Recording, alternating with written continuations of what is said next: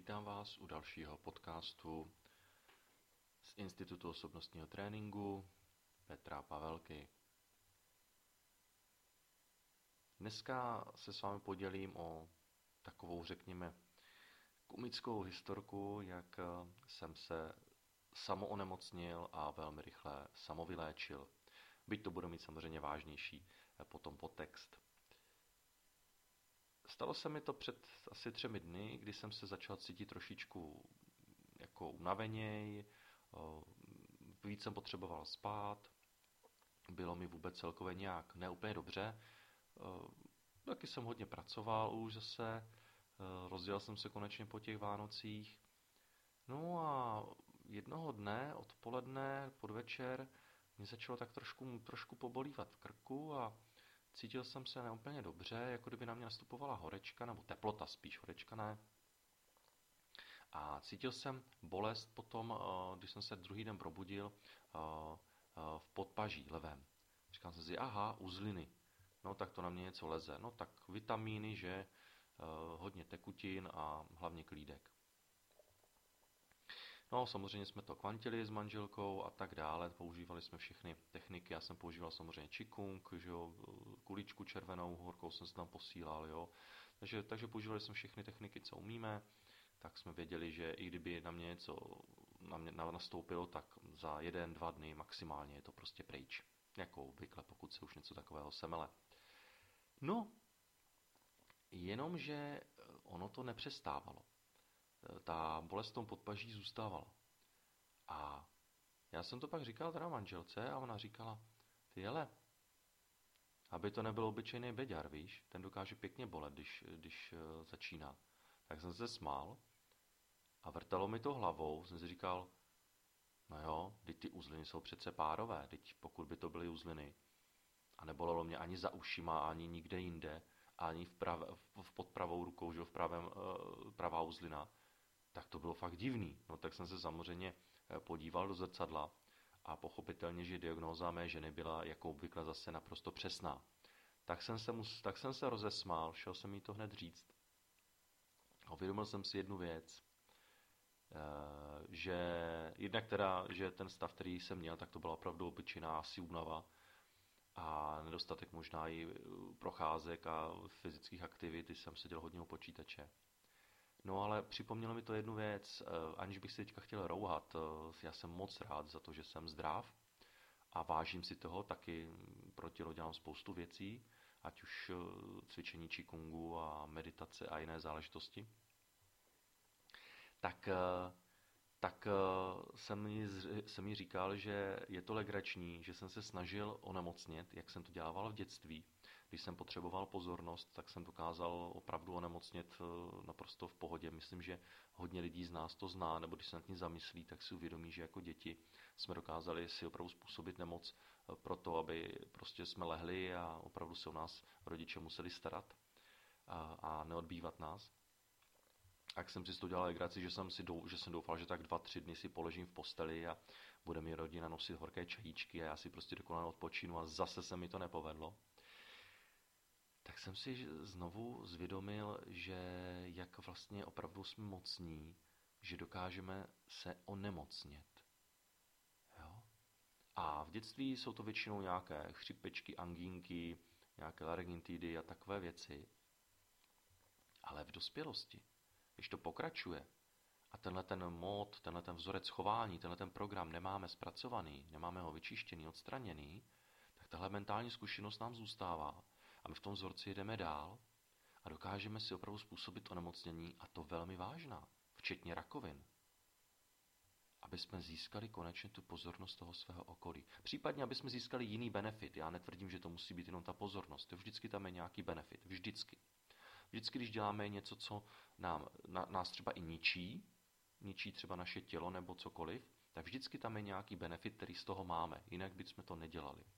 Když na ten benefit přijdete, eh, většinou je to klíčové pro zbavení se takového buď zlozvyku, anebo takové nemoci. Takže opravdu jsme velmi mocní, aby jsme tohle dokázali. A teď, přátelé, pozor, přijde pointa. No dobrá, když jsme tak mocní, že dokážeme onemocnět, tak jsme ale určitě, nepochybně, natolik mocní, že se dokážeme uzdravit. A na to se už v této rovnici zapomíná. Ano, my lidé jsme schopni samoléčení, stejně jako jsme schopni samoonemocnění. Je to tak. Jestliže dokážu hřebík zatlouct, dokážu ho vytáhnout. Jestliže dokážu šroubek zašroubovat, dokážu ho vytáhnout. Jestliže dokážu sestrojit auto, dokážu ho zase rozmontovat. Vždycky, jestliže umím A, umím B, jestliže je plus, je minus. Vždycky. To znamená, že jestliže se dokážu onemocnit, dokážu si způsobit nemoc, dokážu způsobit i to, že ji se jí zbavím. A to navždy a na dobro. Bez ohledu na závažnost toho onemocnění. To tady říkám naprosto s plnou odpovědností na základě svých osobních zkušeností a zkušeností mých klientů, že to tak prostě je. Já jsem měl tenisový loket. Diagnostikovaný, rentgenem potvrzený, ortopedicky léčený, je to, jsou na to doklady, důkazy v, v lékařské kartě, že ve zdroj, kartě, jak se to jmenuje v kartě pacienta. Je to prokázané, měl jsem tenisový loket na, na pravé paži. Taky, říkám, několik let léčený klasickým, uh, klasickými způsoby a metodami. Nepomáhal mi na to ani Qigong, nepomáhala ani kvantovka. Byl to začarovaný kruh a pro mě to bylo velké zklamání, že já sám, takový kvanták, takový uh, cvičitel energetických cvičení, se nedokážu zbavit tenisového lokte. A víte, proč to nešlo? Protože jsem se nezbavoval té příčiny. Já jsem hasil jenom požár. A příčina? Já jsem loni uh, opustil zaměstnání, po 20 letech jsem přestal uh, být zaměstnaný. Postavil jsem se na vlastní, na vlastní nohy, jako osovočo. A já od té doby o tenisovém loktu nevím. Loni v Thajsku se mě právě manželka zeptala, a co tvůj tenisový loket? A já jsem se na ní podíval a říkám, jaký? Nevím, o čem mluvíš. A pak mi to došlo. Já jsem na to úplně zapomněl. Já o tenisovém loktu nevím už více krok. Prostě zmizel. Není. Protože jsem se zbavil příčiny. Mě už nevyhovovalo být uh, prostě zaměstnání, mě už nevyhovovalo dělat práci, kterou jsem dělal. Já jsem po 20 letech opustil vlastně právní činu, já jsem 20 let, uh, mám 20 letou právnickou praxi a změnil jsem úplně kvalifikaci. Začal jsem se věnovat lidem, začal jsem se věnovat energiím, začal jsem se věnovat uh, osobnostnímu rozvoji a já prostě jsem se vyléčil. Takhle to funguje. Jo? Ve chvíli, kdy se zbavíte té příčiny, tak to prostě funguje úplně skvěle. No a jak na tu příčinu přijít? No, většinou na ní nepřijdete sami. To vás musím upozornit, že většinou to sami neodhalíte, protože si dokážete lhát do kapsy takovým způsobem a obelhávat se, že, že na to rovnou asi zapomeňte.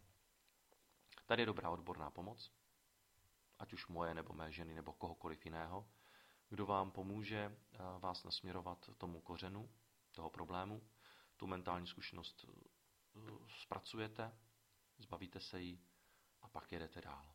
Jde to. Jde to, krásně, funguje to. To jsem vám chtěl říct, eh, takovou jsem začal veselou historkou, jak jsem se nesamo onemocněl a v zápětí rychle samovyléčil. Opět díky mé, mé velmi chytré a zkušené ženě. A skončil jsem právě tímto vážným tématem, které ale má šťastné a veselé konce, protože my lidé opravdu se umíme samovyléčit. Vzpomeňte na Joe Dispenzu, který si vyléčil ty, já teď nevím, si zlomené nebo nalomené obratle. A je spousta dalších případů, které bychom mohli označit eh, za zázrak. Ale uvědomte si, že vy sami vaše tělo a mysl a duše je už samo sobě zázrak. A vy sami sobě jste nejvyšším šéfem, kromě samozřejmě Boha a vesmíru. A vy sami sebe dokážete plně ovládat. A stejně jak se dokážete onemocnit, dokážete se určitě uzdravit.